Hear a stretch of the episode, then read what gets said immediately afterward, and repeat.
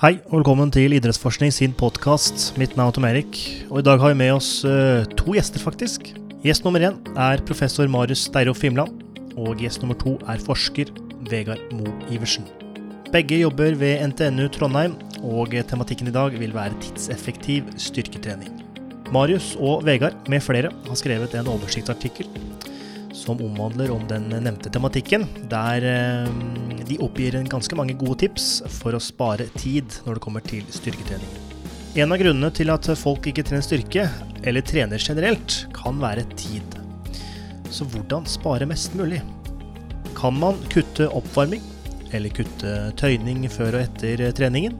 Hva med supersett? Hvilke øvelser burde man velge? Og har eh, valg av motstand en eh, påvirkning? Alt dette med mer får dere svar på i denne podkasten. Og med det så ønsker jeg deg en god lytting.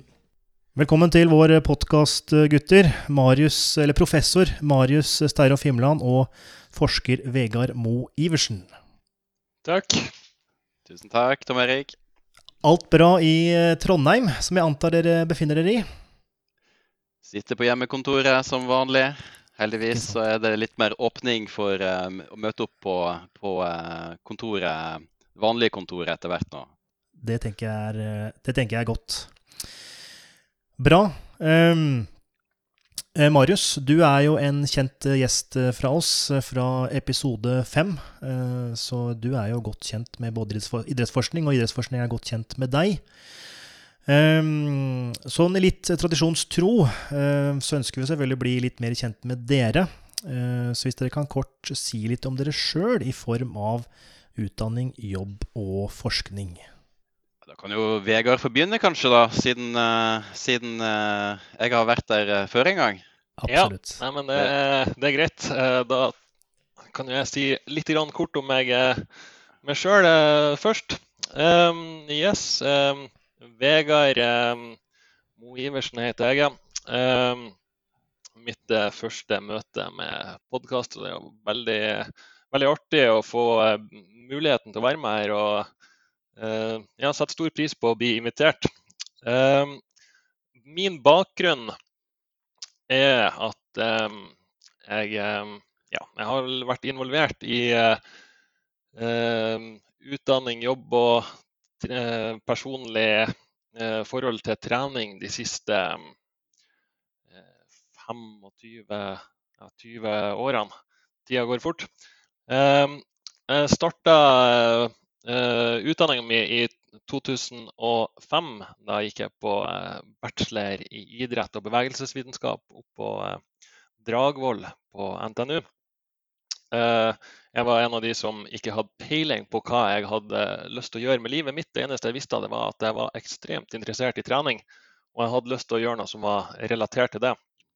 Da ble det idrett og bevegelsesvitenskap. Eh, på det tidspunktet så var ikke jeg noe spesielt opptatt av eller interessert i forskning. Men eh, når når vi, eh, når vi liksom begynte dette studiet og begynte å sette oss litt mer inn i teoriene, og så leste vi litt på nettet, så var det ikke bestandig at alt eh, stemte helt med, med det, vi, det, vi, hørte på treningsstudio og det vi hørte i forelesningene og det vi leste på nett. Og Det var vel egentlig det som var litt sånn inngangen min til å få interesse for forskning. For da ble det til at jeg ble sittende på PubMed og på eh, tilsvarende sider liksom, og, og lese meg opp på forskningsartikler for å prøve å faktisk få svar på de her tingene som vi lurte på eh, praktisk relatert til treninga. Eh, og eh, etter hvert så, så, ble jeg mer og mer uh, interessert i, uh, i forskningsaspektet av, uh, av, det her. Og begynte, når jeg da var ferdig på bacheloren, så begynte jeg da på en mastergrad i exercise physiology. Um, og uh, da hadde faktisk han uh, Marius som min, ja, min, veileder i praksis, i hvert fall. Så det var en del av doktorgradsprosjektet hans, min masteroppgave.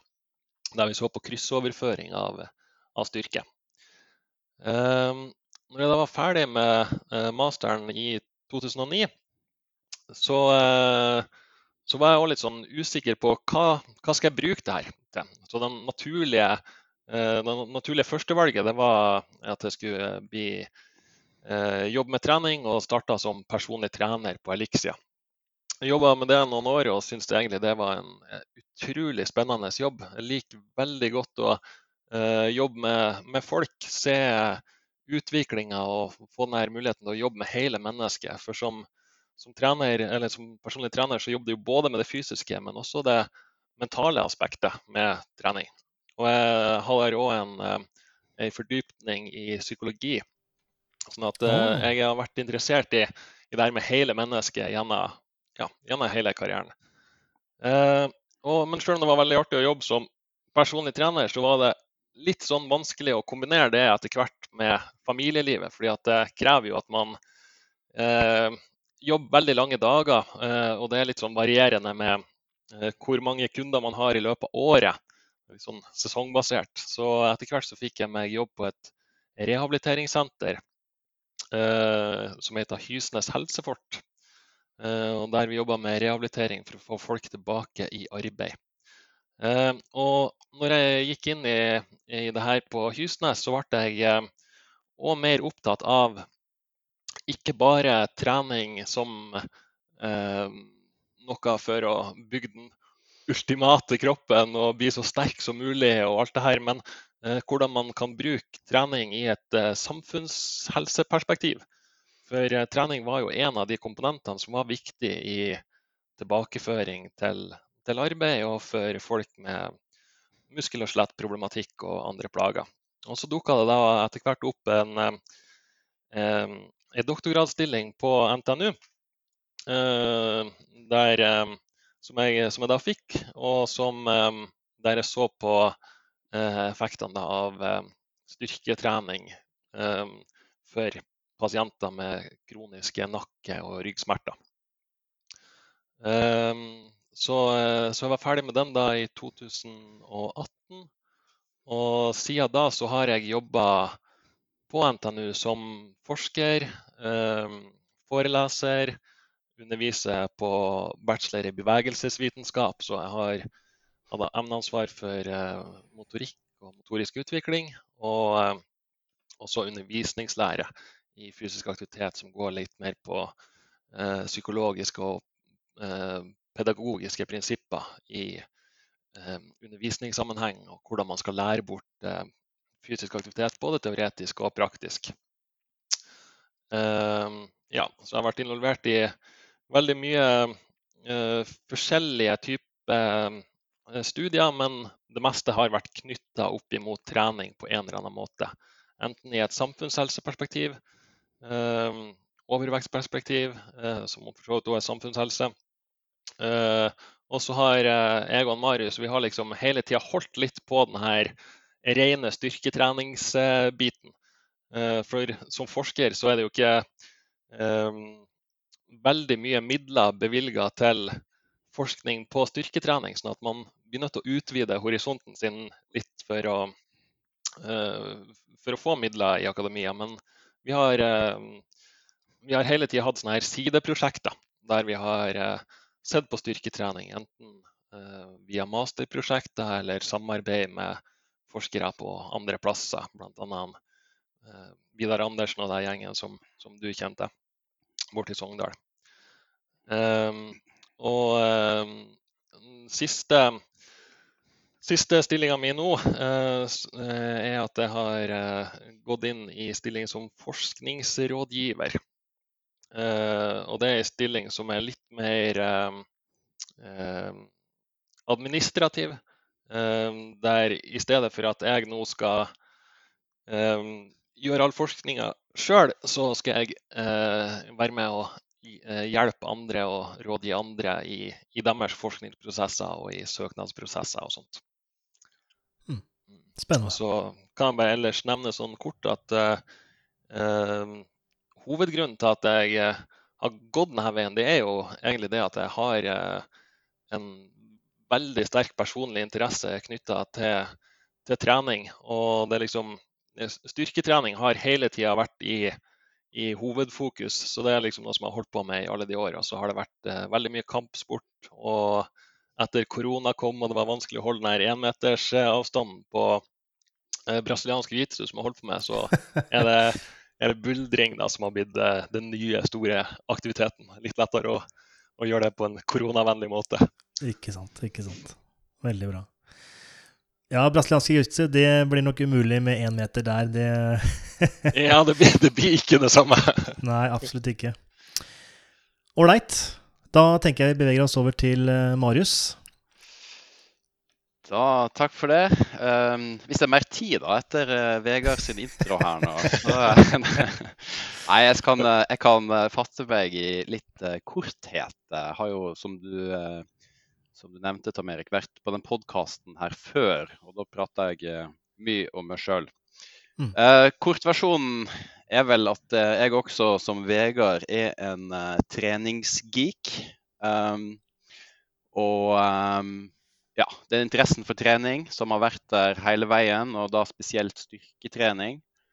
Um, så um, Og det har leda meg inn i akademia etter hvert. Og um, jeg er nå da professor uh, på, uh, i bevegelsesvitenskap på NTNU. Og leder NTNU sin uh, internasjonale master i fysisk aktivitet og helse, som har studieretninger unnskyld, uh, innen exercise physiology, movement science og occupational science. Um, I tillegg så har jeg en uh, bistilling på et rehabiliteringssenter som heter Unicare Helsefort. Hvor det er rehabilitering for uh, fedme, smerte, utmattelse uh, og slag, bl.a. Og jeg har et spesielt ansvar Eh, knytta til eh, fysisk aktivitet og trening. Og eh, ja, jobbe en del med, med klinikere der da, om effektiv trening for ulike pasientgrupper. Mm, mm. Så er det noe mer jeg skulle sagt? Nei. for de som ønsker å vite litt mer om deg og din vei til inn i akademiet og til en professortittel, kan jo ta og høre på episode fem, der som du nevner selv, snakker en del om eh, ja, eh, din vei til eh, der du er nå. Um, ellers så tenker jeg vi kanskje skal tjuvstarte litt på et spørsmål vi har fått fra en lytter, eller en følger, som går på dette med veien inn i akademia. Um, og om dere to har noen tips og råd. Altså du, som vi har nevnt i episode fem, Marius, ble jo professor ganske tidlig alder, vil jeg jo påstå. Uh, og du, Vegard, er en oppadstormende, heter det kanskje, uh, forsker, uh, om jeg kan si det selv. så hvis dere kunne gitt ett til to råd for å på en måte lykkes i akademia, hva ville dere på en måte sagt da? Og vi kan starte med Vegard. Ja, ett til to råd for å lykkes i akademia, ja. Altså, en av det første rådet mitt er kanskje å eh, utvide horisonten, eller og kunne være fleksibel. Eh, I hvert fall hvis man eh, tenker seg inn i akademia med, med samme interessefeltet som jeg har, nemlig, nemlig eh, trening og, og, styrketrening. Fordi at eh, Som sagt, det er, ikke, det er ikke nødvendigvis sånn at man eh, at det lyses ut forskningsmidler til, eh, til akkurat det man er interessert i, sånn, grunninteressert i. sånn at man må, man må, være villig til å utvide horisonten sin. Eh, mm. Se litt utover det som man eh, har liksom som det snevreste kompetansefeltet. Så vær, vær, vær fleksibel og utvide. Eh, det andre punktet det er egentlig stikk motsatt. For På den ene sida så, så, bør du være fleksibel og du bør utvide. Men du bør også eh, prøve å holde på det du sjøl syns er interessant. Eh, hvis ikke så akademia, kan akademia bli tungt. fordi det er, eh, det er, mye jobb, det er mye lesing, det er mye skriving. Eh, og hvis man bare holder på med ting man ikke syns er interessant, så kan det bli tungt. Sånn at jeg har, som, som jeg nevnte i innledninga, så har jeg og Marius vi har samarbeida mye underveis. Og vi har stort sett hele tida hatt noen sånn sideprosjekter på gang. Der vi liksom har fått dyrka de her primærinteressene våre. Um, og det å, å, å, holde på det, det, det, er viktig, i hvert fall hvis man har lyst til å, å, gå videre inn i det. Mm. Um, og som sagt, når jeg søkte på denne, eller når jeg gikk i denne stillinga som forskningsrådgiver nå før sommeren, da så jeg jo på på, på må oppdatere CV-en min, og da så jeg jo at fra jeg var ferdig med eh, doktorgraden i 2018 og til nå, så har jeg hatt en plass mellom ja, Kanskje jeg har hatt åtte forskjellige småstillinger på NTNU. Eh, sånn at man eh, man må være fleksibel og åpen. Og, ja. Forberedt på å være en potet? Forberedt på å være en potet. Og så kan man heller snevre det litt etter hvert. da. Ikke sant. Marius? Ja. Jeg eh, sier meg veldig eh, enig med Vegard. Syns det høres ut som veldig, eh, veldig riktig. Og jeg og, jeg og Vegard vi har jo eh, samarbeida tett i mange år, så vi har jo snakka mye om de forskjellige eh, Om sånne ting som det her. Vi, og vi er nok veldig enige i de tinga der. Altså du må være fleksibel, og du må på en måte tenke strategisk for å få tak i penger til eh, prosjekt. Altså du må finne prosjekt som folk, som de som gir penger, er, vil gi penger til. Og det er som regel ikke styrketrening. Eh, men så må ikke du glemme eh, hva som er din interesse. Altså, det er helt fint. Altså, man kan få nye interesser og utvide interessene sine. og Det er jo det som har skjedd med for min del. Jeg starta jo, var egentlig bare interessert i styrketrening. Og så Oi, forskning er jo kjempespennende. Uh, og så var det over i arbeidsretta rehabilitering og bygge opp et treningssenter. og tok en jobb i Sogndal og ukependla fra Trondheim og sånt, fordi at jeg bare ville, ville det her, liksom. Og det mm. spillet Altså om det var ubehagelig og upraktisk å ukependle mellom Trondheim og Sogndal, så var ikke det så, så var det her viktig for meg. Så, så, du må liksom gjøre det som er viktig for deg. Um, men så, så, så, må du også gjøre det som, det som du kan leve av, da.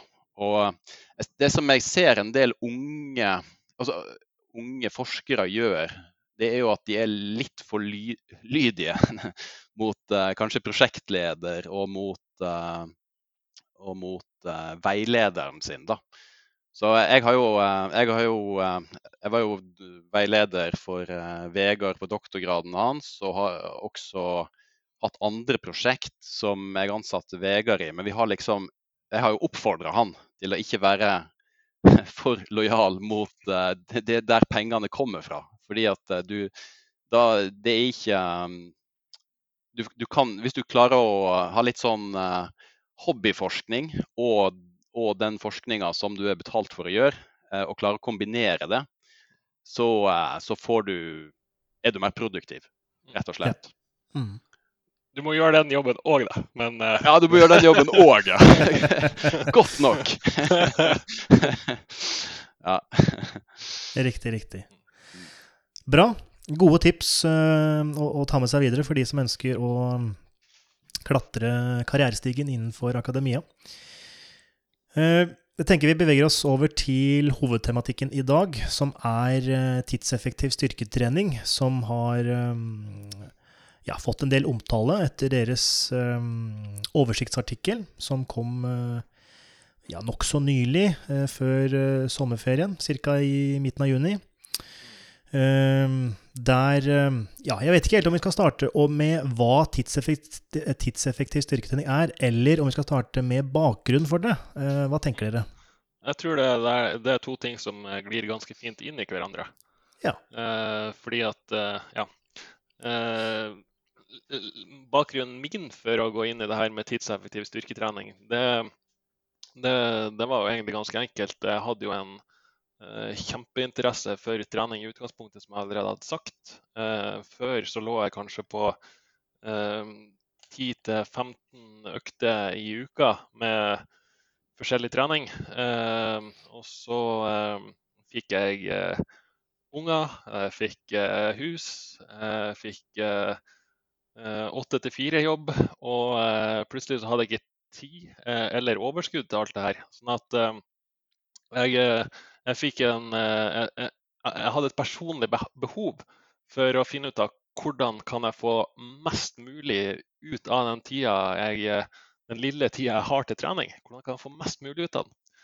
Eh, så det var liksom det personlige. I tillegg så så jeg jo eh, i større og større grad når jeg jobba med eh, folk utenfor treningssenteret, altså når jeg jobba på, på Elixia, så kom det jo folk dit som, som ville trene, og som ofte hadde, hadde litt tid å sette av. Men når jeg jobba i rehabilitering, når jeg har jobba med andre folk, så, så, ser jeg jo at av en eller annen grunn så er det jo ikke alle som, som engang har lyst til å, å bruke tid på trening.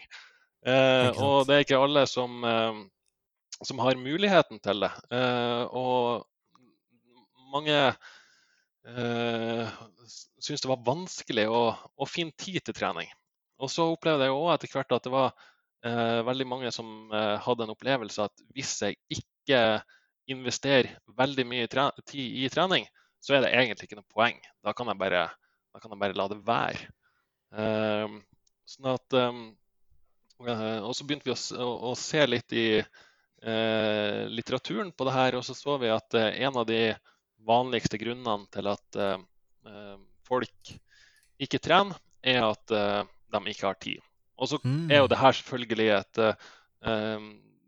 Det er noe som vi òg kunne ha diskutert, fordi at jeg, jeg tror jo at det noen gang brukes kanskje som en unnskyldning, og ikke bestandig at man ikke har tid. Men i hvert fall så er det det folk oppgir.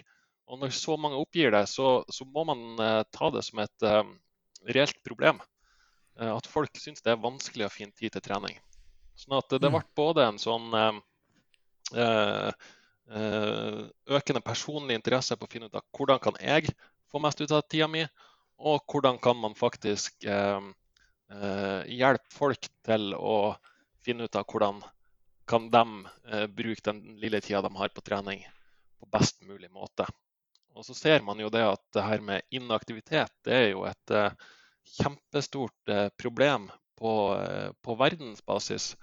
Og eh, eh, ja, jeg vet ikke hvor mye du vil at jeg skal snakke rundt det her, men, men Lancet har jo òg, som er en sånn ledende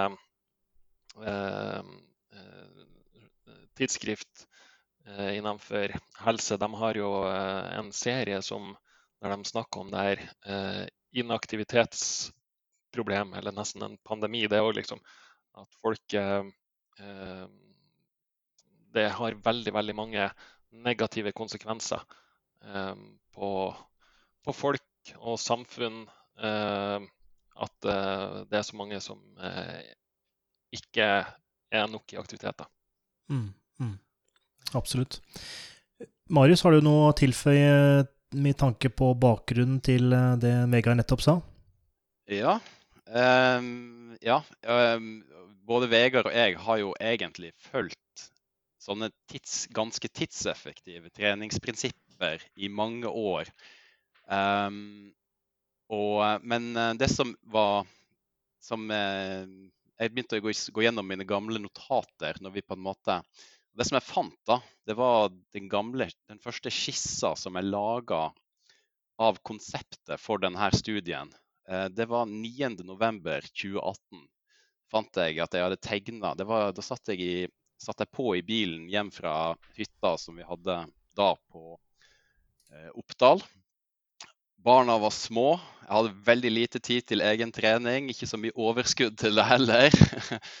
og så da, da, da, begynte jeg å tegne liksom, konseptet eh, for en, eh, en um, artikkel som gikk på, eh, på eh, tidseffektiv styrketrening.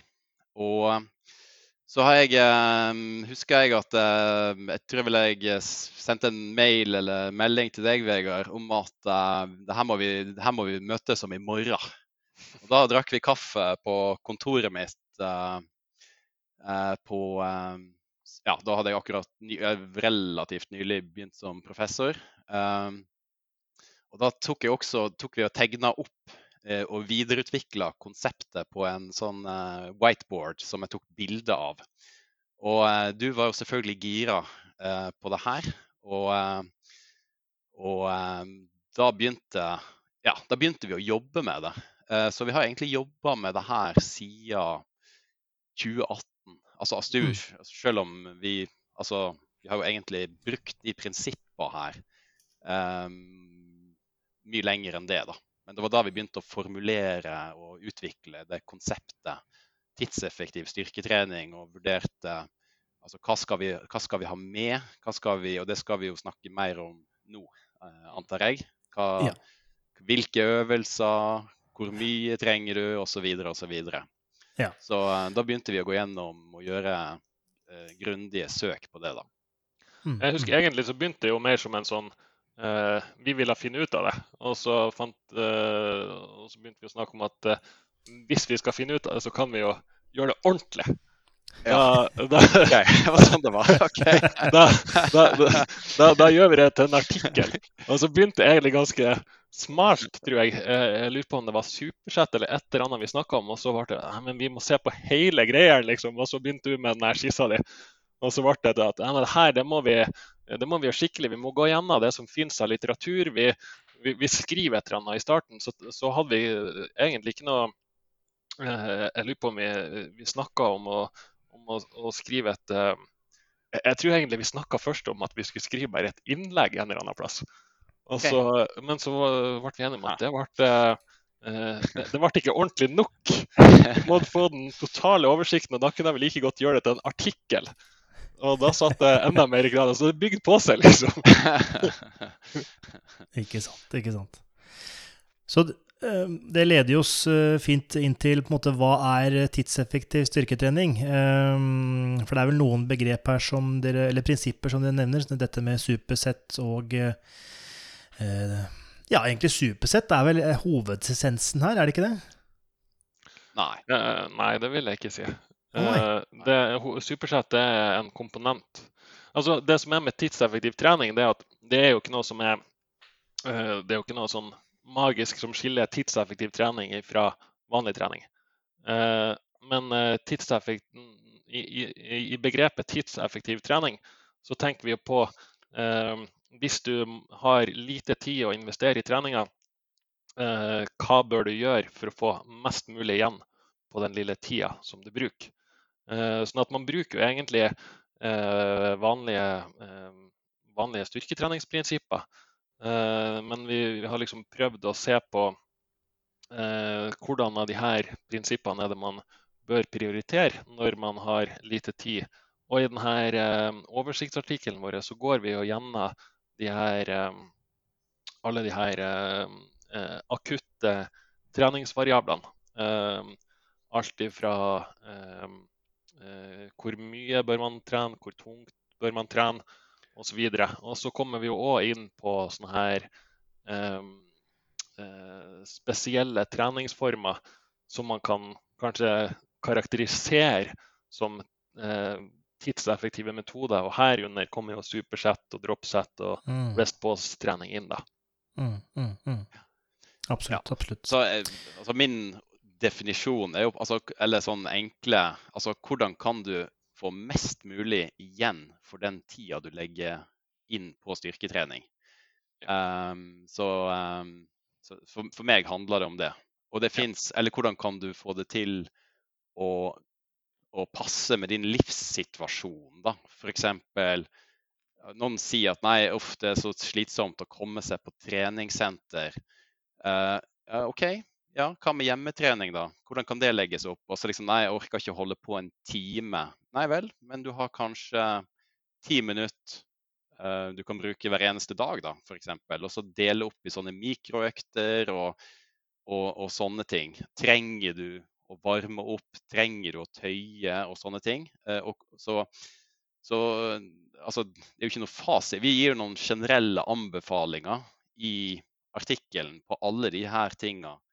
Hvor mye, hvor tungt bør du trene, hva slags type øvelser, eh, maskiner, eh, frivekter, manualer eller stenger. Og, så, eh, og supersett, som du nevnte, Tom Erik, er jo en måte altså det, det, Og det finnes jo også forskjellige måter å trene supersett på. Men den måten som, som, jeg bruker mye i min egen trening, og som vi anbefaler i artikkelen, er jo at du f.eks.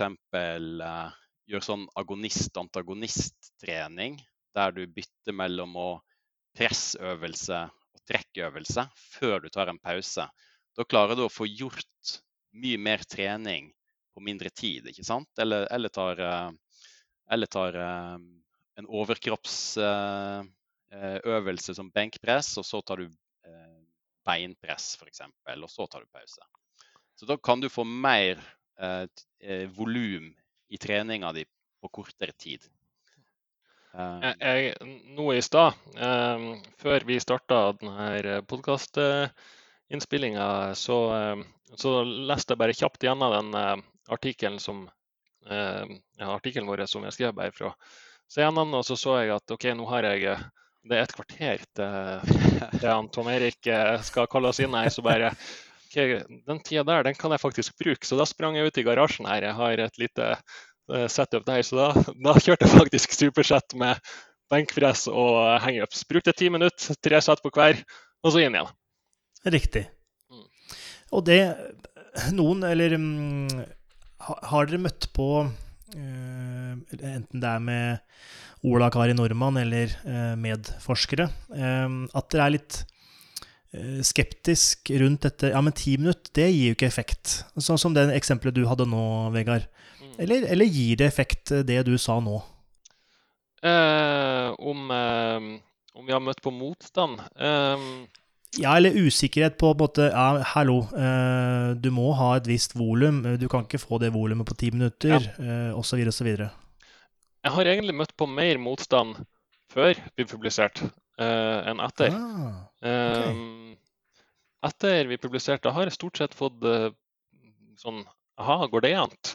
Uh, før denne artikkelen her kom ut, så, så, var det veldig ofte liksom at vi hørte Eller jeg hørte i hvert fall at folk sa at nei, det, det jeg, jeg, tror ikke det er noe poeng å, å trene så kort, liksom. Sånn at ja.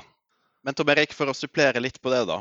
Så hvis, hvis, vi tenker litt logisk på det her sant? Altså Det som hovedsak Det viktigste um, Det viktigste i styrketrening er jo uh, volumet du gjør, som regel. Altså hvis, hvis, man tenker Altså hvor mange litt sånn uh, anstrengende serier gjør du? Så når Vegard da uh, Vegard han gir alltid maks innsats. Så han gjorde, jeg kan love deg at alle disse seriene Han gjorde sikkert ett oppvarmingssett uh, tipper jeg. Ingen oppvarmingssett. Ingen oppvarmingssett? Ingen, jeg hadde ikke okay. tid. nei, jeg hadde ikke tid til det, nei. Og, og, og det er jo, uh, men da hadde du kanskje ikke et veldig lavt repetisjonsantall? Nei, ikke sant. Så det er jo noe som det, uh, vi snakker om at sånn som den økta som jeg kjørte nå, kjappøkt, da lå jeg på 10-12 repetisjoner på, på, både benken og, og på hangupsen. Og da de første eh, repetisjonene mine, de er, de er såpass lett eh, at det blir en slags spesifikk oppvarming i seg sjøl. Eh, sånn at det baker på et vis den spesifikke oppvarminga inn i settet når man kjører litt sånn høyreps. Det, det, det, hvis du hadde hatt litt bedre tid, så hadde du kanskje lagt inn ett oppvarmingssett eller ville generelt anbefalt eh, Det vi anbefaler i artikkelen, er jo at man kan droppe sånn som generell oppvarming hvis du vil spare tid. Det er ikke noe galt med å sitte på en sykkel eller gå på ei tredemølle, og det er positivt å bevege seg. Selvfølgelig er det det. Men uh, det bør ikke det bør, altså For mange så blir det nesten en barriere for å få trent i hele tatt. Den der tida du er nødt til å bruke på oppvarming, og en del tror også at de er nødt til å tøye etter styrketrening. Som, altså, har du behov for, et, for økt bevegelighet i et ledd, så kan du for all del tøye. Men ikke glem at styrketrening er bevegelighetstrening, det også. Hvis mm. du gjør sånn som du generelt bør, da, at du har et fullt, ganske fullt bevegelsesutslag i den øvelsen du gjør. Så du, du trenger ikke være mjuk, som regel være mjukere eh, i kroppen enn at du kan gjøre styrkeøvelser i en, uh, en full bevegelsesbane. Mm. Så, så det, det, kan fort bli en barriere, og det er vi veldig opptatt av at det bør det ikke være. Uh, og um, så, så, vi anbefaler altså skal du, skal du trene med 10-12 repetisjoner, så uh, kanskje du kan legge inn ett oppvarmingssett på den øvelsen du trener på. Og I hvert fall hvis det er den første øvelsen på en, på en muskelgruppe. skal du perse i benken f.eks., så gir det jo mening å ha flere og gradvis bygge opp til den belastninga du skal ta det maksløftet på. da. Men skal du mm. kjøre altså, skal du kjøre armhevinga på stua og du klarer 20, så er ikke det nødvendig å sette seg på knæ, og ta armhevinger på knærne først, før du tar 20 vanlige armhevinger. Det, det vil mm. jeg si er unødvendig. Så, så, desto lettere motstand, desto mindre oppvarming, kanskje? I hvert fall mindre generell oppvarming? Ja, Hvis jeg kan supplere litt der, da. Så, eh, I utgangspunktet så i, i denne eh, artikkelen vår så sier vi jo at eh, hvis man vil spare tid, så kan man eh, kutte både tøying og generell oppvarming. Eh, I utgangspunktet sånn personlig så er jeg veldig glad i å kjøre uh, oppvarming hvis jeg har tid til det. Hvis jeg, har, hvis, jeg har, god tid i økt, så kjører jeg gjerne litt generell oppvarming òg. Men det, det, er mest sånn Jeg føler meg litt mer klar. Jeg føler at det blir liksom uh, Ja, jeg, jeg, liker å gjøre det, uh, hvis du skjønner. Sånn at det blir, en, det blir en sånn positiv opplevelse rundt det hele. Uh, det gjør ikke at jeg klarer å prestere noe spesielt bedre på treninga, men det gir meg en sånn bedre sånn eh, totalopplevelse av det. Hvis jeg ikke har tid til å kjøre, hvis jeg bare har litt tid, så skipper jeg oppvarminga totalt. Eh, sånn som, sånn som nå når jeg var ute i stad og kjørte, eh, så eh, visste jeg at jeg har ikke noe mye tid. Sånn at da, da kjørte jeg rett på. Men som, som vi var inne på her, da, så kjørte jeg ikke veldig tungt, liksom. Jeg, jeg var ikke på de her én til fem repetisjoner. Jeg, jeg, lå på rundt ti repetisjoner. Eh, og da er, det, eh, da er det enda mindre behov for, eh, for både generell og spesifikk oppvarming, fordi at den spesifikke blir litt involvert i det. Mm. og i forhold til spesifikk, eller i forhold til generell oppvarming, så, så, ser man ikke at det har noe effekt verken på skaderisiko eller på prestasjon.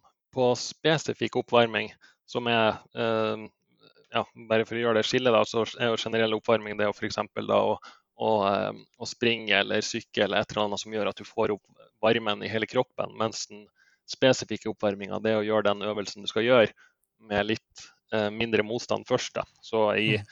i, i benkpress så vil det f.eks. være hvis jeg skal kjøre eh, sett på 100 kg, så kan jeg kanskje begynne med å varme opp på 50 kg, liksom, sånn at jeg kjører noen lettere sett. Da. Og i forhold til eh, generell oppvarming så viser det ikke så at det har så mye hensikt. Men på spesifikk oppvarming så er litteraturen litt mer blanda.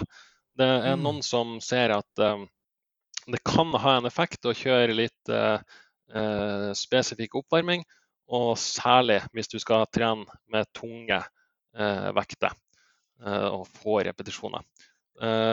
og så er det noen som viser at nei, det ser ikke ut som at det har så veldig mye effekt, men generelle heller. da. Så siden, bland, eh, siden, litteraturen er litt delt på det her, og det er egentlig ikke nok litteratur på det heller, eh, så har vi eh, anbefalt at, eh, at eh, man kan gjerne kjøre litt generell oppvarming, i hvert fall når man skal trene med tunge vekter.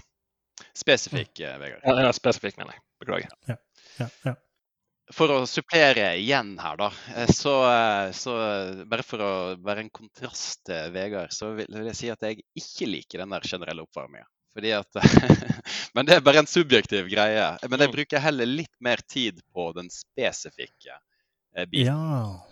Og så vil jeg si at jeg tror ikke det finnes noe forskningslitteratur på det her. Um, men, men, for min del, da. Men altså forskning det, i dette her området. Det, det, er jo ikke sånn at det finnes mange kjempegode studier som har undersøkt de tinga her.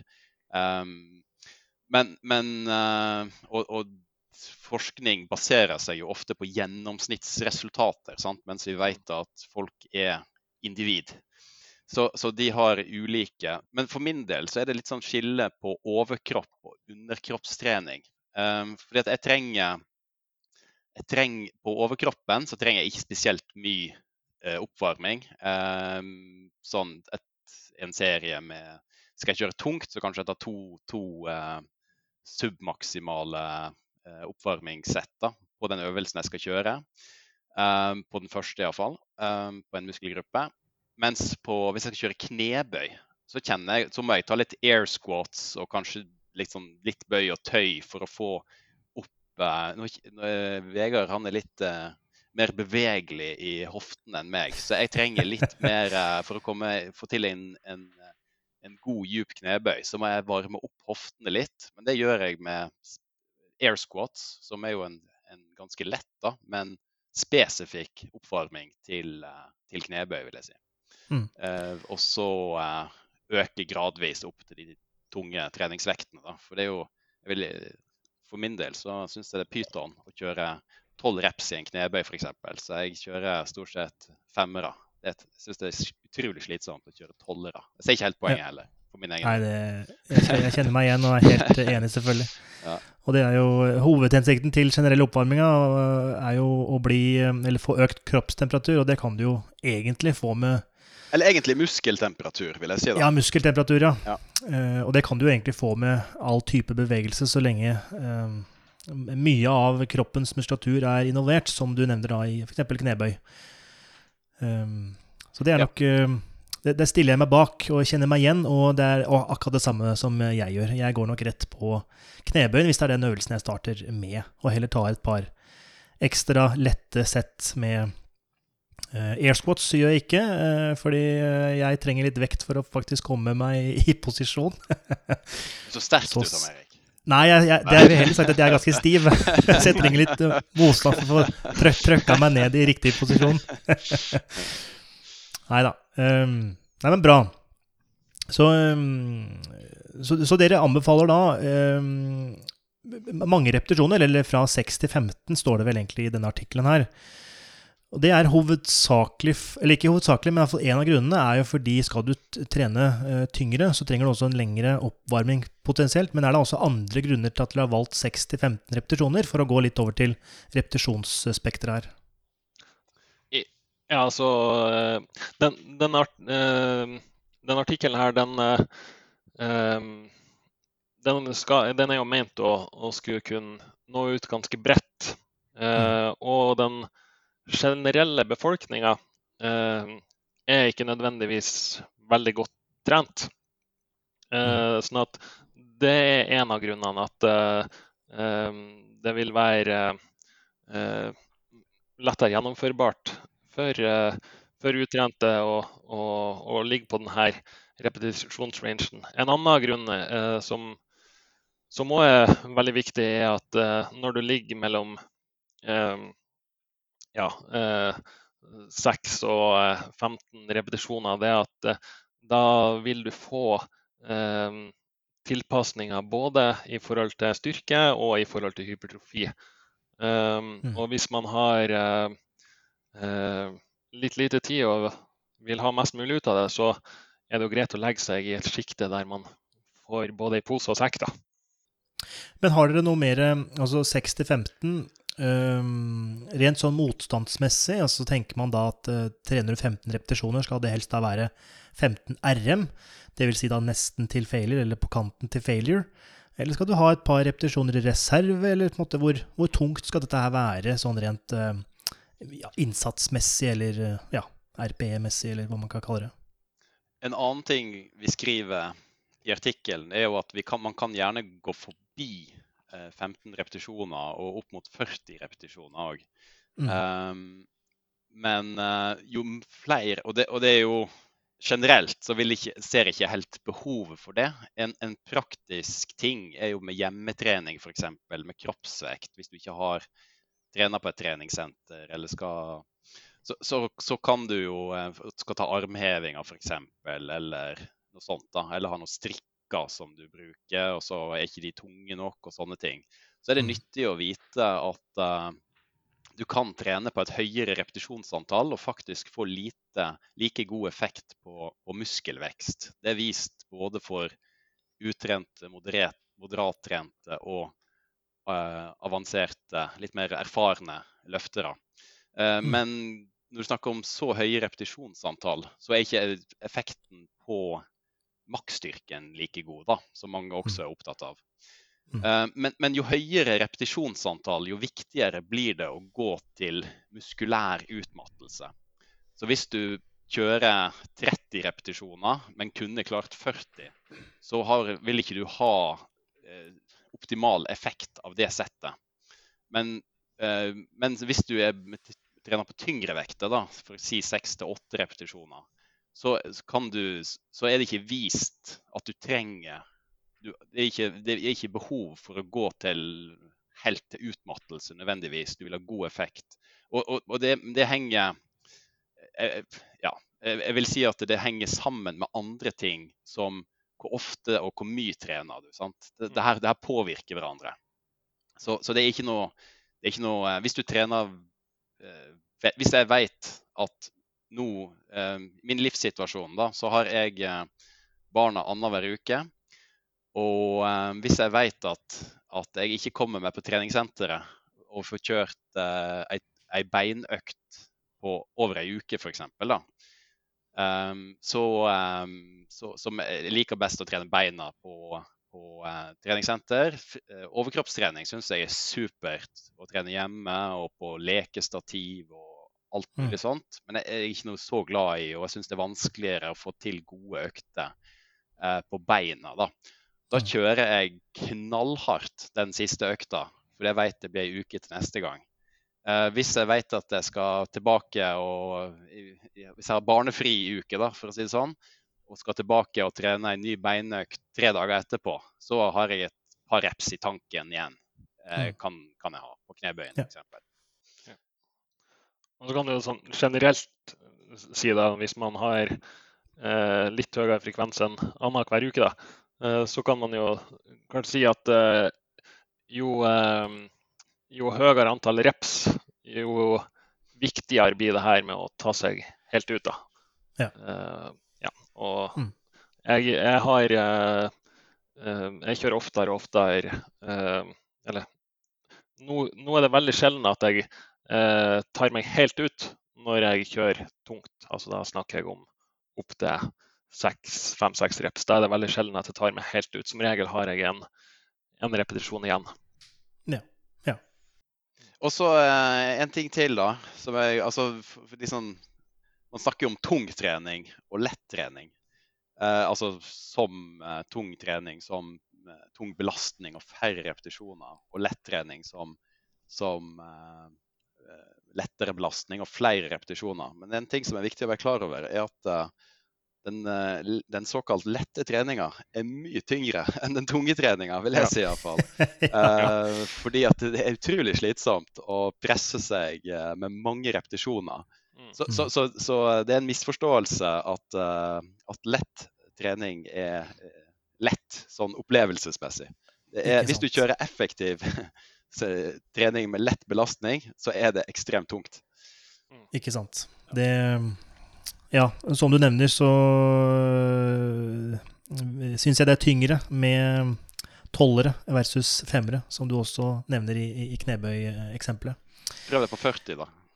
Eh, ikke sant. Eh, jeg, har prøvd, jeg, har prøvd, um, jeg, har prøvd, det som kalles for uh, okklusjonstrening, uh, med ja. 40, 40 repetisjoner på biceps. Og det Da var jeg støl i to uker etterpå. Jeg kunne ikke rette ut albuen min. Så det, ja, det var noe annet. Men um, de øvelsene dere snakker om her eh, Dere nevner jo knebøy. Um, du har nå i dag trent benkpress og hangups, eh, Vegard, som er flerleddsøvelser. Ja. Og Det er også et punkt dere også tar opp i artikkelen. på en måte hva, Hvilke øvelser burde man velge? Og det kan jo se ut fra praten i dag at det er flerleddsøvelser man burde prioritere. Um, er det det, og i så fall hvorfor? Um, det der det er um, det er egentlig et todelt svar. Uh, for på den ene sida så vi, vi, anbefaler jo flerleddsøvelser. Og det er jo nettopp fordi at du får gjort uh, du får mer på en gang, liksom. Du, ved å eh, trene en eh, knebøy, så får du trent veldig mange flere muskelgrupper enn hvis du eh, kjører f.eks. Eh, leg extension, altså kneekstensjon. Sånn at eh, du, får, eh, du, får, inkludert flere muskelgrupper eh, på kortere tid. Eh, sånn at hvis man har lite tid, så, så er det og, og, har et ønske om å liksom styrke hele kroppen, liksom, så, så, får du eh, gjort mer på kortere tid med flerleddsøvelser i utgangspunktet. Eh, samtidig, vi har, dette er noe som vi ikke har skrevet om i eh, artikkelen.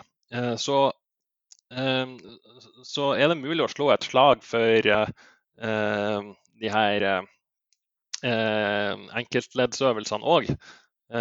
fordi at når du kjører flerleddsøvelser, så blir du gjerne du blir sliten. Eh, det å kjøre knebøy, det, det, det er slitsomt. Du, du, trenger den pausen imellom.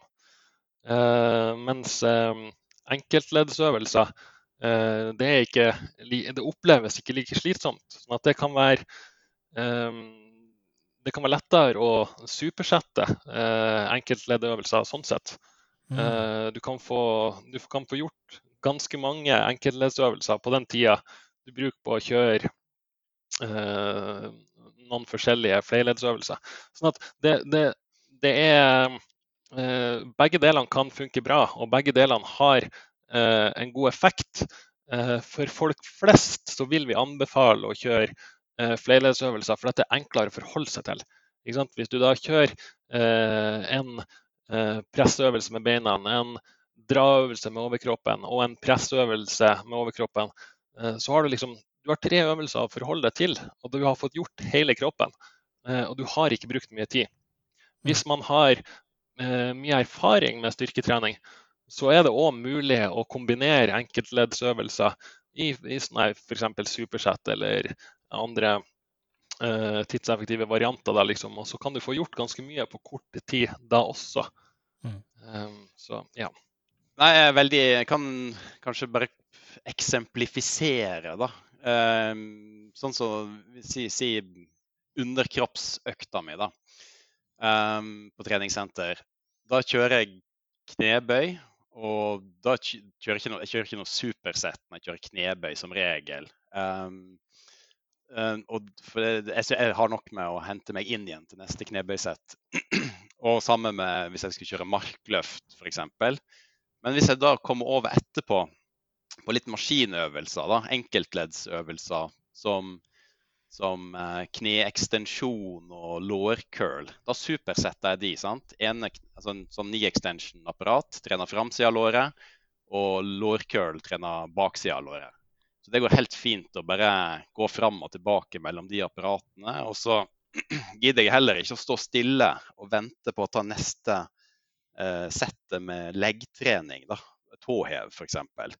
Da stikker jeg bort og kjører såkalt rygghev, da, som egentlig ikke trener ryggen så mye, da, eh, som mange tror. For den jobber jo mest statisk, men trener eh, rumpa og baksida av låra veldig effektivt. Så, så det syns jeg funker supert. Og da sparer jeg ganske mye tid på det. Mens sånn som knebøy markløft, det er tyngre øvelser, og jeg har litt sånn lyst til å øke i styrken der, f.eks. Og på samme måte så kunne jeg aldri falt meg inn og sitte sitte og vente i to minutter på å ta det neste settet med biceps curl, f.eks. Da hadde jeg heller kjørt sidehev eller et eller annet på bakside skuldre i den pausen. For det går ikke utover prestasjonen i neste, neste serie med en sånn eh, liten, liten eh, muskelgruppe da, som, eh, som eh, armbøyerne. Mm, mm. Og heller på, på sida av skuldra eller baksida av skuldra. og sånne ting. Så det, så det, lar seg helt fint gjennomføre uten at det går Du får my, inn mye mer volum eh, på, eh, på mer, mindre tid, da, som er tidseffektivt. Mm. Er det noe um, um, Er det noen utfordringer, altså negative sider, med det å bruke pausen sin til mer effektiv, altså til faktisk trening, istedenfor å vente, som du sier? Nei, du får ikke Altså, du, hvis du eh, hvis jeg føler meg lat, da, så sitter jeg og leser aviser eller sånt imellom. Så du får ikke brukt Eller for du kan jo prate med noen andre og sånne ting. Så, så hvis, du, hvis, du, hvis, du, er på trening med kompiser og, eller venninner eller hva det måtte være, så er jo pausen fin for å, for å prate om ting. Uh, mm. Men eh, ellers så ser jeg ingen grunn til å sitte og, og bare vente. Hvis ikke du kan bruke den ventinga til noe annet som er viktig for deg. Ikke sant. Ikke sant. Det er veldig, veldig bra. Um... Men du, en ting, Tom Erik, som jeg vet ikke om du ville komme inn på. Um, som, eh, for jeg tror kanskje mange er med på liksom det vi snakker om nå, med, med det med eh, flerleddsøvelser, at det bør prioriteres um, over enkeltleddsøvelser, sånn i hovedsak. Men en annen ting som jeg, som jeg vet ikke om du hadde tenkt å spørre om, men uh, det er jo På en flerleddsøvelse så kan du jo bruke forskjellig type utstyr. sant? Du kan bruke en maskin, eller du kan bruke en frivekte eller sånne ting. Og i frivektskategorien så har du jo både stenger og manualer. Um, mm. Så en ting jeg bare tenkte jeg vil nevne, da. F.eks. benkpress med stang versus uh, manualpress for brystet, da, liggende på en benk så, um, så vil jeg anbefale, eller vi anbefaler, um, å bruke stang. Fordi at uh, med manualer, da og, altså Her er det forskjell fra øvelse til øvelse, så det er ikke et universelt svar. Men, men for å bruke benkpressen versus manualpressen her, da, så kan du jo i benken løfte uh, tyngre vekter med stang. Og for du bruker en del energi rett og slett på å balansere manualene. Og, og når du ikke har et, da, et sånt fiksert grep på manualene som du har på stanga, um, så, så, får du, um, så, får du, mye lavere tricepsaktivering når du bruker manualer um, istedenfor. For du, du, balanserer egentlig manualen istedenfor at du bruker tricepsen uh, sånn like mye da, til å presse vekta oppover. Og gjorde en studie sammen med Atle Sæterbakken, eh, din kollega på, eh, i Sogndal, for en del år siden. Der vi også målte muskelaktivering med EMG, og fant at hvis jeg husker rett, da, at den var bare to tredjedeler med manualer eh, eh sammenligna med stang. Eh, mm. så, så, for meg så, er, så, vil jeg primært bruke, hvis jeg ikke har veldig mye tid da, og skal så, så, vil jeg primært uh, bruke stang til en sånn øvelse. Fordi uh, hvorfor skal jeg si nei takk til å få effektiv trening av tricepsen når jeg kan få det inn på den samme øvelsen? Ikke sant. Men uh, Du nevnte jo også maskiner. Men hva med da benkpress versus sittende brystpress, der du ikke trenger å balansere? Det er Altså, man har jo Mange, mange mener jo da at uh, du må trene benk, mark og knebøy, og det er liksom det som teller. Men uh, jeg vil si at det er bare styrkeløftere som må det. Uh, fordi at de konkurrerer i de øvelsene, og de må nødvendigvis være gode til det. jeg ser ikke noen voldsomme fordeler med vanlig benkpress uh, sammenligna med en press i maskin, egentlig. Du får, mm. det, begge deler er gode øvelser begge delene gir tilsvarende styrke og muskelvekstøkning. Liksom. Sånn det, det, det, som kanskje er eh, litt sånn å tenke på, da, eh, det er at eh, frivekter de er jo eh, kommer kan jeg jo ikke norsk lenger. Versatile. Eh, de er veldig anvendelige. Frivekter. Du ja. kan gjøre veldig mye med det. Du kan eh, variere grepene, du kan variere stillinger. jeg jeg er over en 90 høy, eh, og jeg har eh, ofte problemer med mange apparater med at de passer ikke til kroppen min. Eh, så, men så, så, så, er det noen plasser liksom at de har eh, apparat altså det, det er et, et, hav av forskjellige treningsapparater. Og, og, noen har mye mer fleksibilitet i at uh, du kan uh, justere både på, eh, på seteryggen der du sitter, du kan, eh, de, de, du kan justere på grepet. sånn at det handler for min del, om jeg bruker maskiner eller ikke, det handler faktisk om hvordan maskiner er det som er tilgjengelig. Pass dem til kroppen min. Eh, hvis jeg finner maskiner som passer meg bra, så syns jeg det er helt supert å trene maskiner. Eh, I hvert fall når jeg har eh, dårlig tid. fordi at eh, da kan jeg Da er det veldig mye lettere å, å gjøre f.eks. droppsetter. hvis jeg på, på knebøy skal kjøre eh, droppsett, så må det liksom eh, av med de klipene, du må av og på med vekter. Det, det tar litt tid. Mens eh, i en, en, god beinpress jeg, elsker en god beinpress. Det er liksom bare å ta den pinnen, og så flytter du den et hakk opp, og så gønner du på igjen, og så er du klar. Ikke sant. Uh, ja. ja. Godt poeng. Veldig godt poeng.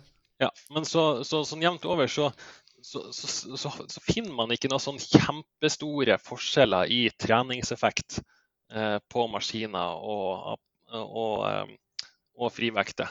Det er litt sånn ja, Kanskje litt mer eh, core-aktivering på eh, noe, noe frivektsøvelse. Og det er det som ofte er et sånn argument at du bør kjøre frivekter, for da må du jobbe med hele kroppen. Men samtidig, når du, når du kjører med maskiner, så, så, trenger du ikke å tenke på den balansen. sånn at der kan du legge på mer motstand igjen.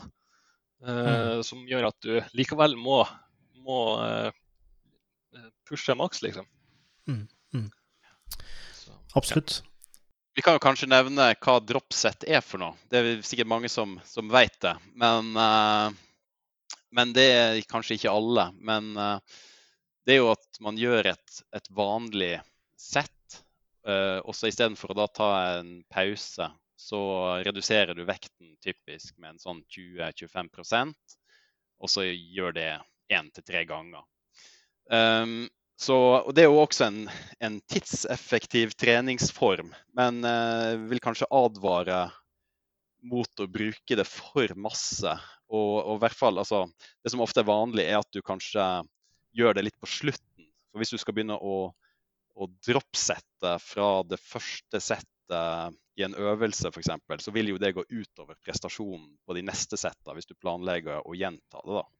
Men, men det er en fin måte å, å, Hvis du har bare tida til å kjøre ett sett, da, så er det jo fint å bare Og på en maskin så kan du jo bare flytte pinnen pinn nedover eller oppover um, et par ganger. Så kjører du, og så er du ferdig. Mm. Hvis, Hvis, eh, Kan jeg ja. supplere en kort ting på det her med dropsets? Kjør på. Uh, for når jeg, når jeg, jeg, husker når jeg begynte å trene styrke, og trena en stund, stund liksom, og da var liksom det her med dropset det var veldig populært. Og jeg ser at det er fortsatt veldig populært på treningssenter rundt omkring, og det er mange som kjører det. Uh, men husker, da tenkte vi liksom at dropset det var liksom noe, det var noe vi, vi måtte gjøre liksom, for å få den her ekstra effekten. Det, det, det, det liksom, da, da, begynner du å vokse, liksom. Da får du muskler når du begynner å kjøre dropsets. Men dropset er egentlig ikke noe annet enn et ekstra sett. Og det er litt viktig å huske på. Uh, for det, er, det, er, egentlig noen studier som, som viser at eh, det å kjøre to sett pluss et droppsett er noe bedre enn å kjøre tre vanlige sett. Mm. Men du sparer tid på det. Ikke sant? Eh, så, så, jeg bruker droppsett veldig, veldig mye nå. Uh, men det er rett og slett fordi at jeg føler ikke at jeg har tid til å, å, vente i et par minutter og så kjøre et nytt sett. Da kjører jeg heller et droppsett, så får jeg inn liksom mm. et ekstra. Uh, og det er jo, Vi skal selvfølgelig gå gjennom flere tips her. eller De tipsene som står igjen, er kanskje i hvert fall ut fra infrafikken fra Adam Virgile. er vel disse med stupesett, troppsett og sånne ting. Men Eh, hovedgrunnen, eh, som du nevnte innledningsvis, Vegard, var jo at eh, folk kanskje ikke har tid til å trene. Og så kan man selvfølgelig spekulere i om det bare er en litt dårlig unnskyldning. Men hvis man skal ta disse, alle disse rådene her og se på okay, hva er det som kutter tiden på treningsøkta mest, og det er selvfølgelig kombinasjonen av alt, men hvilke grep, hvis man skal gjøre ett til to grep basert på deres, um, deres oversiktsartikkel, altså hva er det man burde gjøre da? Altså hva er det som kutter mest tid av økta? Et enkelt grep? Ja, eller, eller ett eller to, eller ja. Vanskelig spørsmål, Tom Erik. Det er jeg, jeg, jeg, vil si altså Du bør ha Altså basisen bør være at du gjør minst, og som vi skriver, i, som går fram i den uh, infografikken som alle lytterne kan bare google 'No time to lift', og så finner du den artikkelen og kan se den infografikken. Um, men at man har minst, og som Vegard nevnte i stad, én en pressøvelse på beina, en draøvelse på overkroppen og en pressøvelse på overkroppen. Da har du egentlig trent hele kroppen. Um, og så anbefaler vi at man gjør minst fire ukentlige sett per muskelgruppe.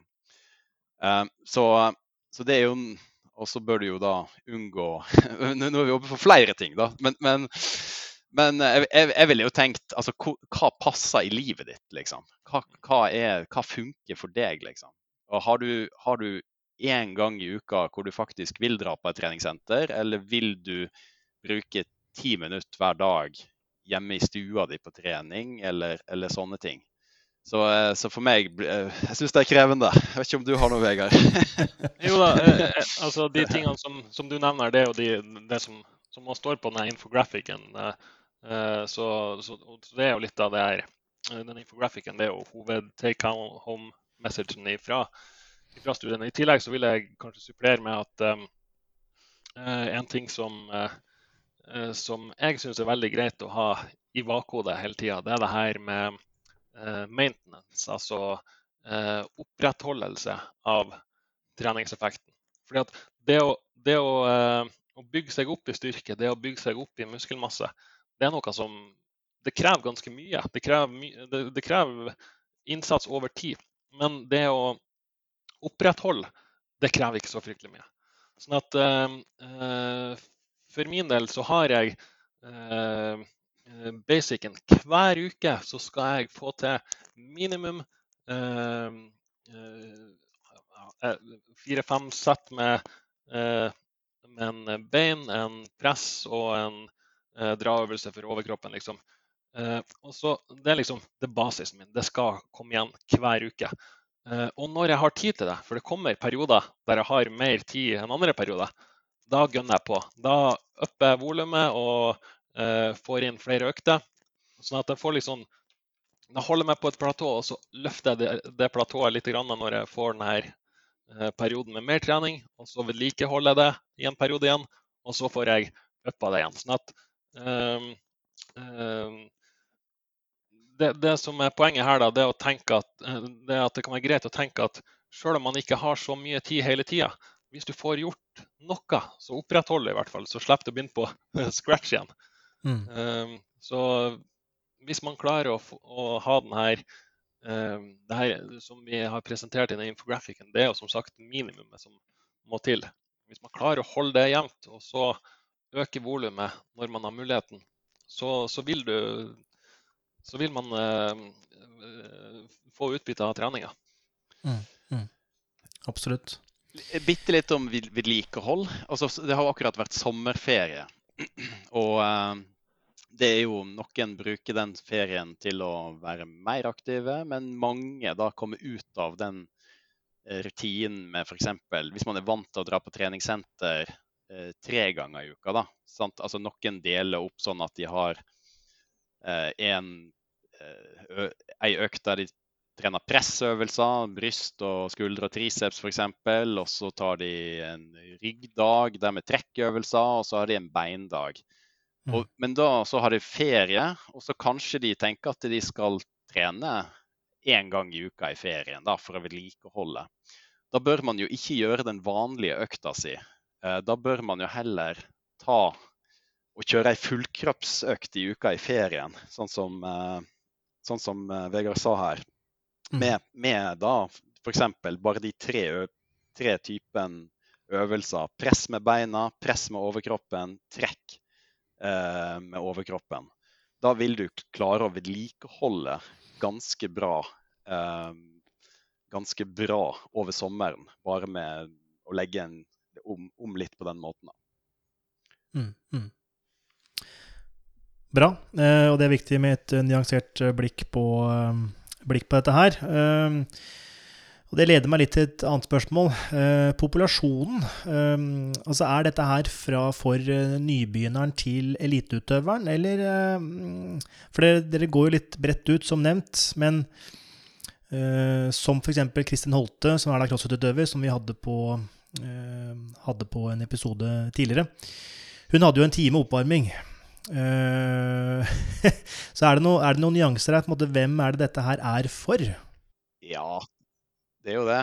Uh, dette er jo primært skrevet for de som er litt sånn i startfasen, ikke særlig erfarne, til moderat. Men så er det jo mange av prinsipper som også vil gjelde for de avanserte.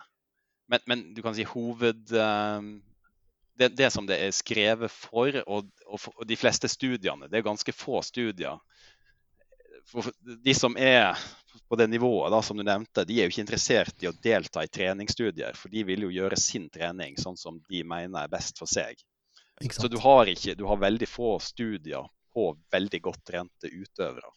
Men, mm. men mange av de prinsippene her eh, vil også gjelde for de som er avanserte. Sant? Sånn som at du kan du vil, Om du er nybegynner eller om du er en avansert løfter, så så vil du få inn mer volum på kortere tid hvis du gjør supersett, f.eks. Mm. Og du vil aktivere eh, flere muskler samtidig hvis du eh, gjør en flerleddsøvelse sammenlignet med en enkeltleddsøvelse. Så, så, så, så, mange av prinsippene er allmenngyldige, selv om dette primært er skrevet for de som er, er utrente til moderat rente. Da. Mm. Ja, ja, ja. Vegard, har du noe å supplere med der? Ja, altså det, det er noe som Marius sier. Liksom det, det, de, her, de fleste studiene som er inkludert i artikkelen, de eh, tar jo utgangspunkt i utrente, nettopp fordi at det er mest studier på dem. Um, og fordi at vi ønsker å, å, nå bredt. Altså når vi snakker om uh, folk som ikke har tid til å trene, så snakker vi jo til en viss grad òg om folk som ikke prioriterer tid til å trene. Ehm, og folk som er veldig godt, godt trent, de finner, finner, som regel tid til å trene nesten uansett. Ehm, så, så denne artikkelen er ikke direkte ment mot dem. Samtidig så er det jo, eh, som jeg sa innledningsvis, det er ikke noen magisk formel for eh, tidseffektiv trening som er veldig annerledes fra vanlig trening. Dette tar utgangspunkt i, i uh, effektive treningsprinsipp. Eh, og eh, jeg vil jo si at jeg og, både jeg og Marius vi er jo, vi kanskje over gjennomsnittlige OK trent begge to, liksom. Uh, og vi følger jo mange av de prinsippene her sjøl òg, liksom. Um, så, um, så, det er kanskje det at uh, for godt trente så um, uh, for noen så må det kanskje litt mer til. Kanskje, kanskje ikke holde det med, med, Hvis du er godt trent, kanskje holde det ikke med fire ukentlige sett i uka hvis du skal ha en progresjon. Da må du litt mer. Mm, ja. Uh, ja. Um, når det kommer til um, uh, altså Tidseffektiv trening er jo, eller styrketrening er jo både tematikken i dag. Og dere har da listet opp mange tips og råd for å på en måte gjøre Eh, styrketreninga så, tidseffektiv som mulig, og så få mest for penga. Er det eh, Hvis vi skal gjøre mer forskning på dette med tidseffekt styrketrening, hva er det vi trenger å vite mer om? Eh, og i så fall, har dere planlagt noen studier som går på dette her, som dere faktisk skal gjennomføre? Det er akutt eller intervensjonsbasert? Ja, altså vi har jo vi har jo i lag med noen masterstudenter så har vi eh, gjennomført en eh, Supersett-studie.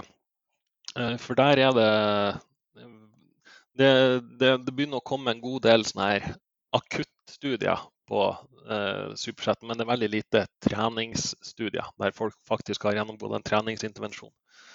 Um, og, eh, og, og, det gjelder egentlig for stort sett alle de her tidseffektive eh, treningsmetodene, eh, si superset, dropset og rest pause, det det er litt lite trening, tre, studier på det. Så det burde ha vært mer på det for å kunne si noe sånn uh, veldig konkret. Um, en annen ting det er det her med uh, kroppsveksttrening. Uh, for veldig mange tenker hjemmetrening, kroppsveksttrening. og det er, der er det faktisk veldig lite studier. og og det som er litt sånn Du spurte i stad er det her en artikkel som går mot eh, godt trente eller mer utrente. Og så eh, har vi sagt at det her er en artikkel som i utgangspunktet retter seg mot allmennheten. Men det med kroppsveksttrening det er noe som, som ofte, veldig mange kroppsveksttreningsøvelser krever at man er ganske godt trent, faktisk. Sånn at det å kjøre ei effektiv kroppsveksttrening når man er utrent, det kan være utfordrende. Mm. Eh, fordi at eh, mange av kroppsvekstøvelsene er rett og slett veldig tunge. Bare en vanlig eh, pushups, det, det, er tungt for mange. Eh, og, eh, og, hvis man skal eh, øke motstand i kroppsvekstøvelser, så krever det ofte at man endrer formen på øvelsen. Så f.eks. i, i pushups igjen, da, så kan du si at en enkel variant er å kjøre den på kne. Eh, og det klarer eh, de fleste. Og så klarer de å kjøre en del på kne, men så skal de gjøre det tyngre. Og da er det å kjøre den på, med tærne i bakken. Og da er det plutselig en helt annen øvelse. Mm. Og det her kan òg eh, gjelde eh, ja, eksemplifiseres med masse andre kroppsvekstøvelser. F.eks. det har blitt veldig populært med calisthenics-trening og sånt. Eh, og det er noe som jeg har holdt på med mye sjøl, og jeg opplever sjøl at jeg har et godt utbytte av det. Med muscle-ups, du kan kjøre enarms hangups, du kan kjøre diverse lever-varianter. Men det er jo kjempetungt. Ja. Uh, så, uh, så, det å ha, ha fått til en god treningsstudie som, eh, der man ser på effekter av kroppsveksttrening eh, på styrke og muskelvekst, det har vært litt eh, spennende. Men igjen da litt utfordrende å, å, å gjennomføre. Mm, mm.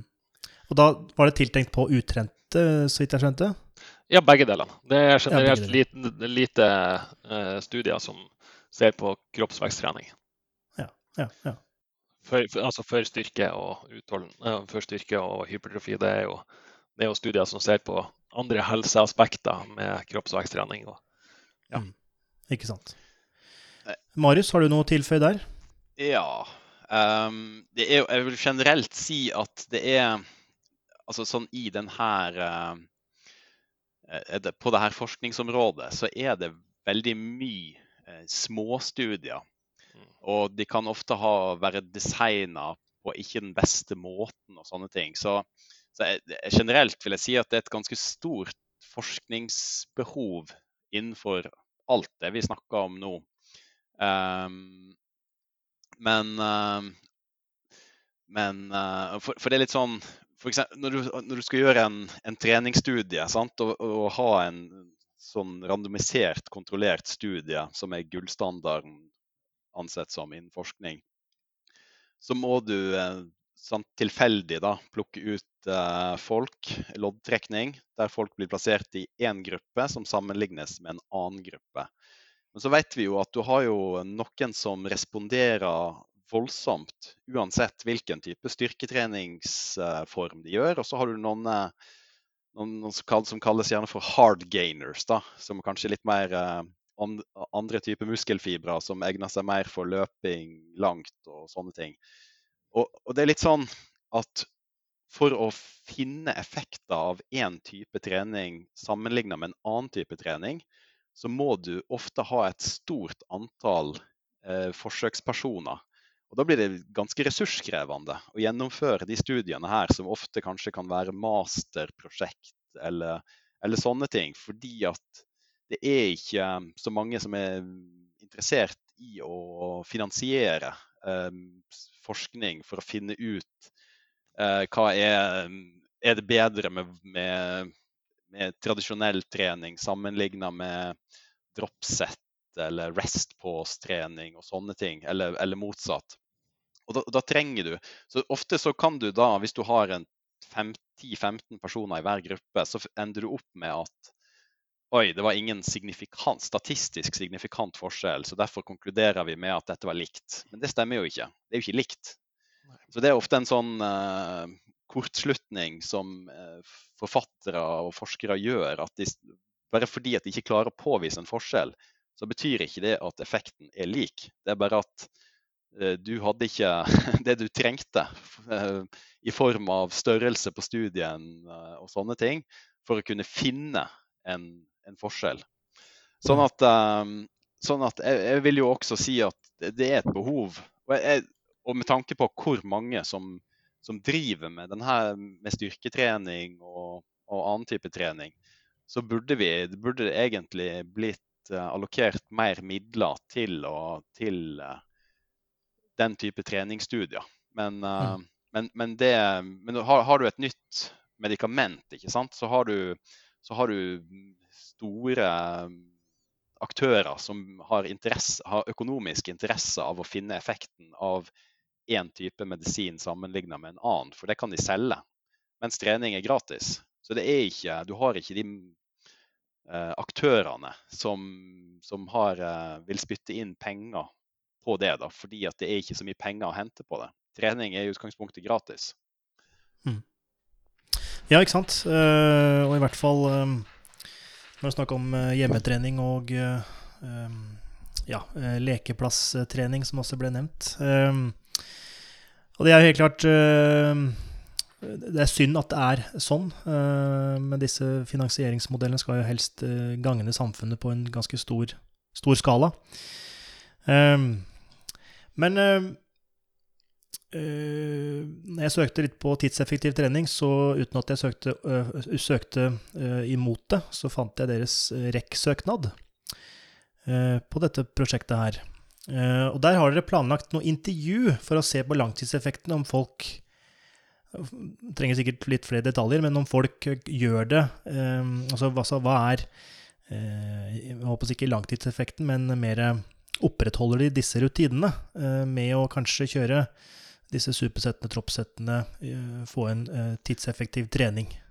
Ja. Eh, eh, den eh, REC-søknaden der, den er nok til, til, et helt annet studie.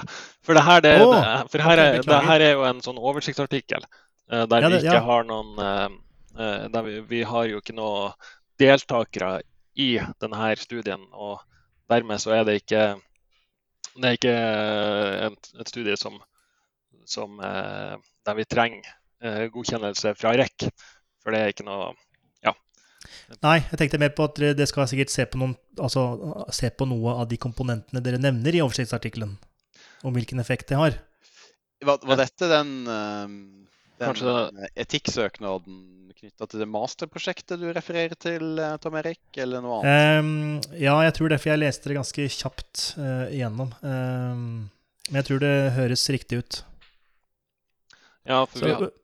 Poenget mitt var egentlig bare jeg ønsket å høre hva er det folk sitter igjen med når de har blitt intervjua. Altså, hva syns du om denne eh, formen for trening? Og jeg tror det var fokus på dette med supersett. da, Å kombinere to øvelser som enten ja, er ganske like eller ulike.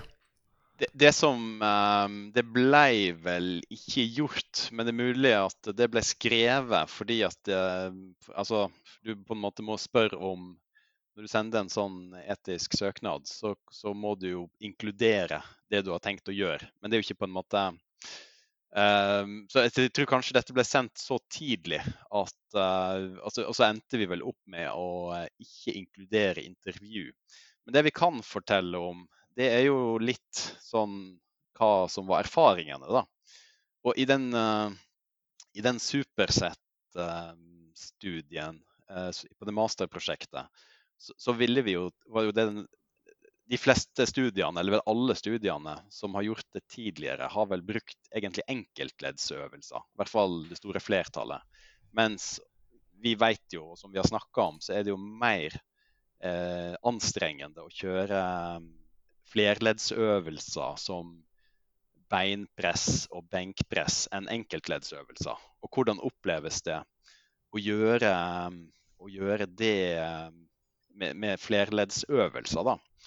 Og vi kan vel si at altså, de kutta vel omtrent halvparten av treningstida si, de som var i den, uh, den Superset-gruppa. Mm. Men uh, de var vel, og vi har også, jeg vet ikke om vi har uh, Du husker kanskje det, men, og vi hadde vel også noen spørsmål om en sånn anstrengel, Vi hadde en anstrengelsesskala.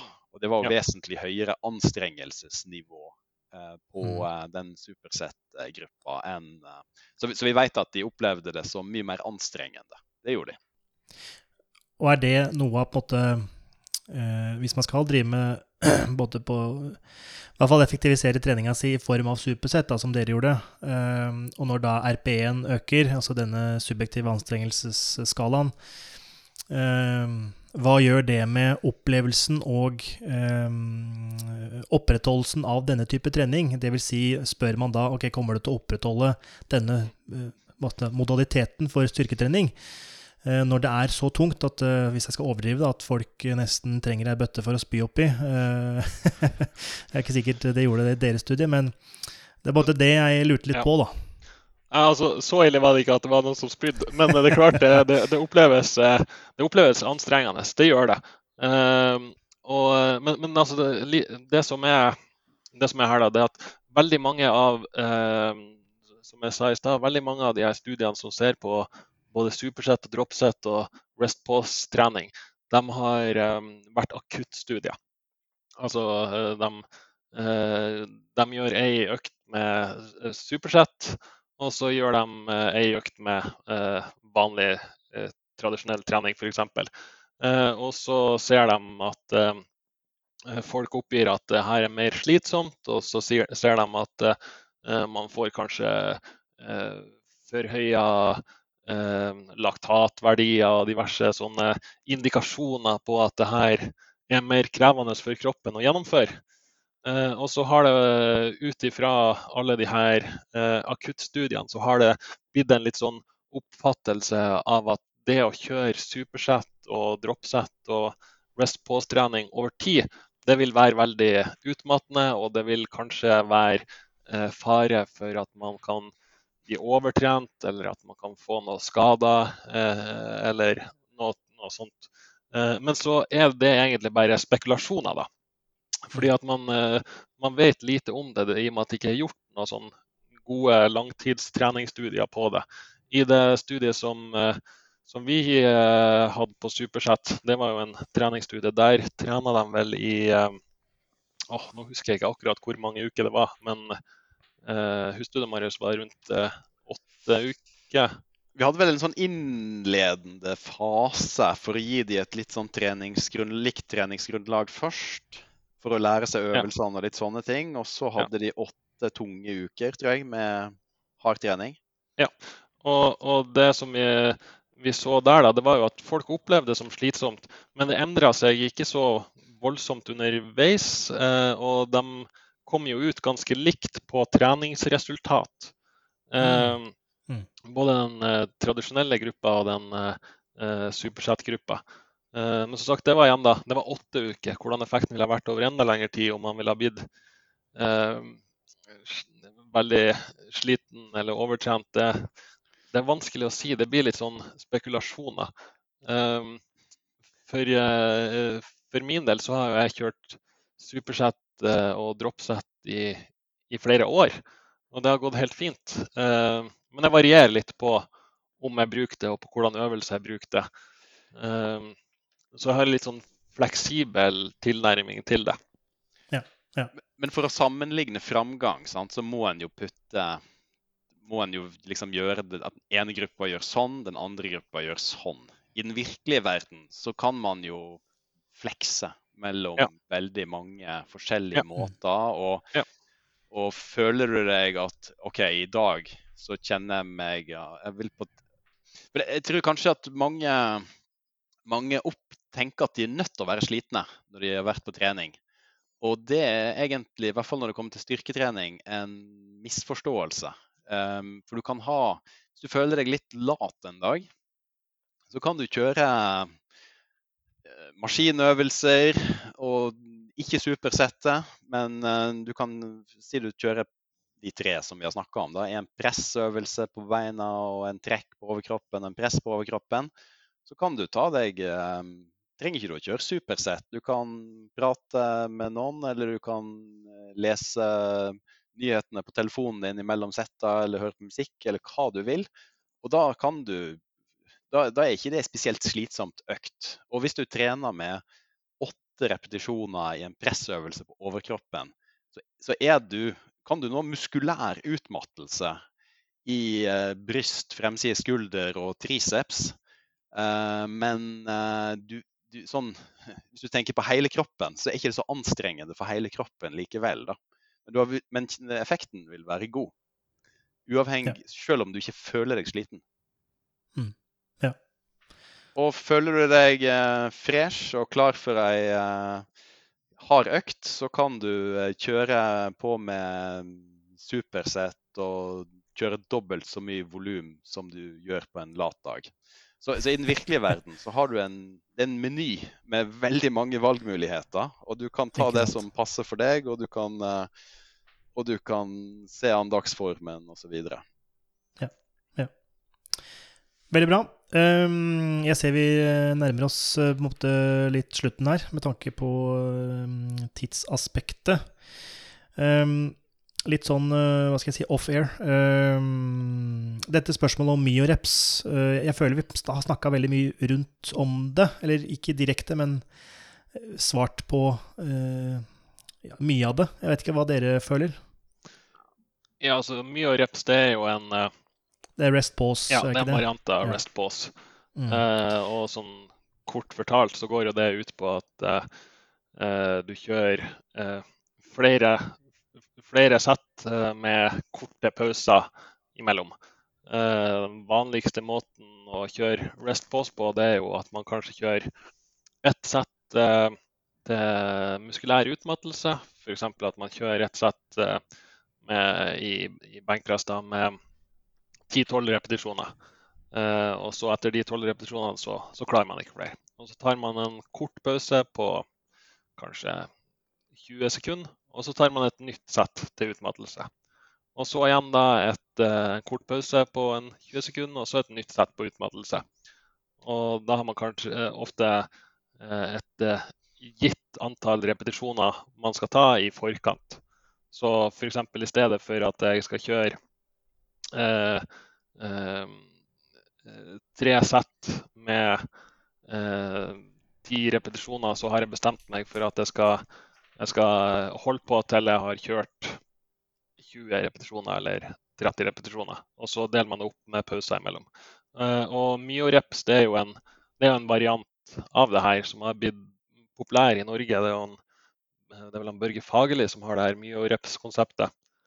Eh, og det har jo, det har jo blitt eh, veldig populært. Og det er jo en effektiv måte å, å trene på, fordi at du får, du får gjort mye på kort tid. Dette er jo òg en sånn eh, treningsform som, der du får halvert treningstida, mer eller mindre.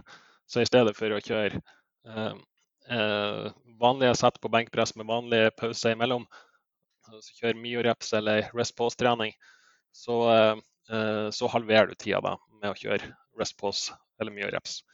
Um, og det, igjen da, så er det ikke kjempemye studier som er gjort på Respose-trening. Eh, og enda færre sånn ordentlige treningsstudier der man eh, har fulgt folk over tid. Eh, men av de studiene som er, så, så ser det ut som at det her er en måte å trene på som er effektiv både for styrke og muskelvekst. Men det er ingenting som, eller det er veldig lite som tyder på at det her er noe mer effektivt enn å kjøre vanlig tre sett med vanlig pause imellom.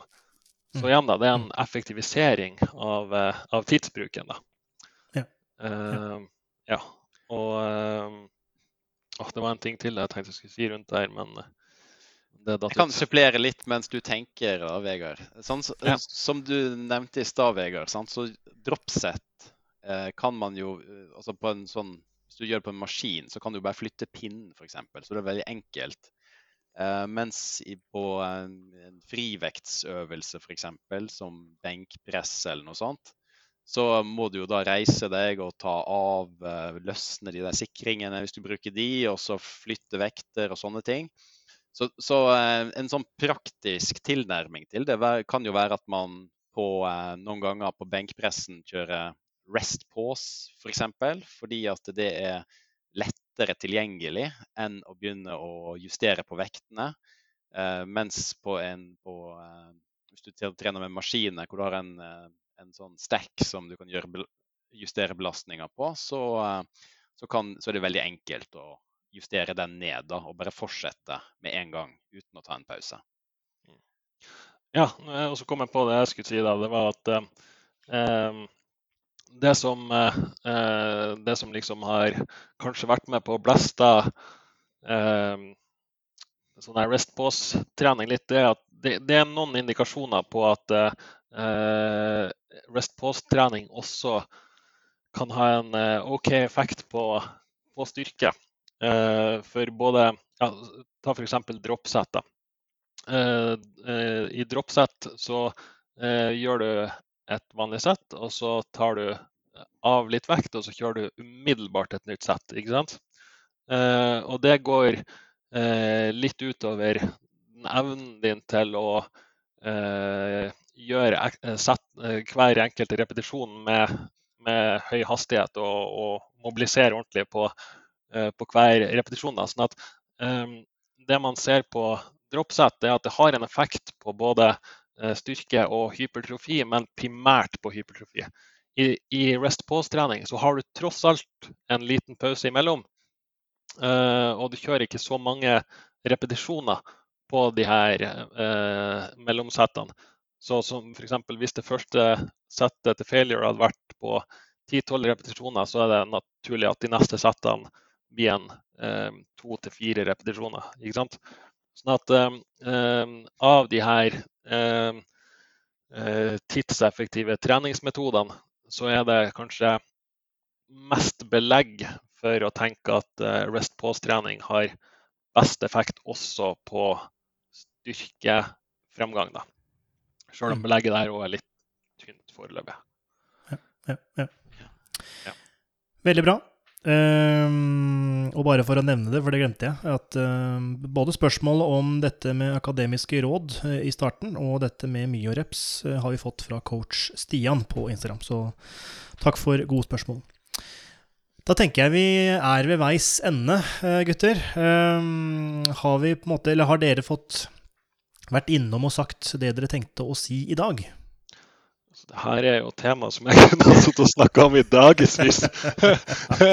Men vi har jo vært innom, eh, vi har vært innom eh, veldig mye. Eh, det har vi. Ja.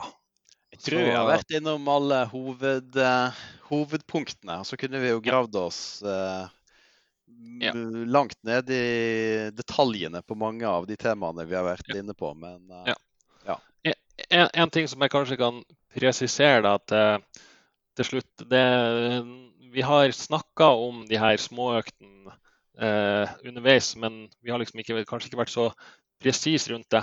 Men eh, det, som er, det, som er, viktig, eh, i hvert fall hvis man har lite tid, det er jo det her ukentlige treningsvolumet. Eh, mm. og det kan være greit å ha med seg at hvis man har eh, lite tid til trening, Eh, så, eh, så, kan man eh, tenke litt fleksibelt på hvordan man fordeler det her treningsvolumet i, løpet av uka. Så hvis man f.eks. sier at målet mitt denne uka er at jeg skal få åtte sett med, med beinpress, jeg skal få åtte sett med en pressøvelse og en dravelse for overkroppen, så kan man fordele det her litt utover uka eh, sånn, sånn, som det passer. Noen uker så passer det kanskje best å, eh, å ta ei eller to eh, litt lengre økter. Mens andre, økter, eh, andre uker så passer det bedre å ta eh, flere korte økter. Og Det er òg mm.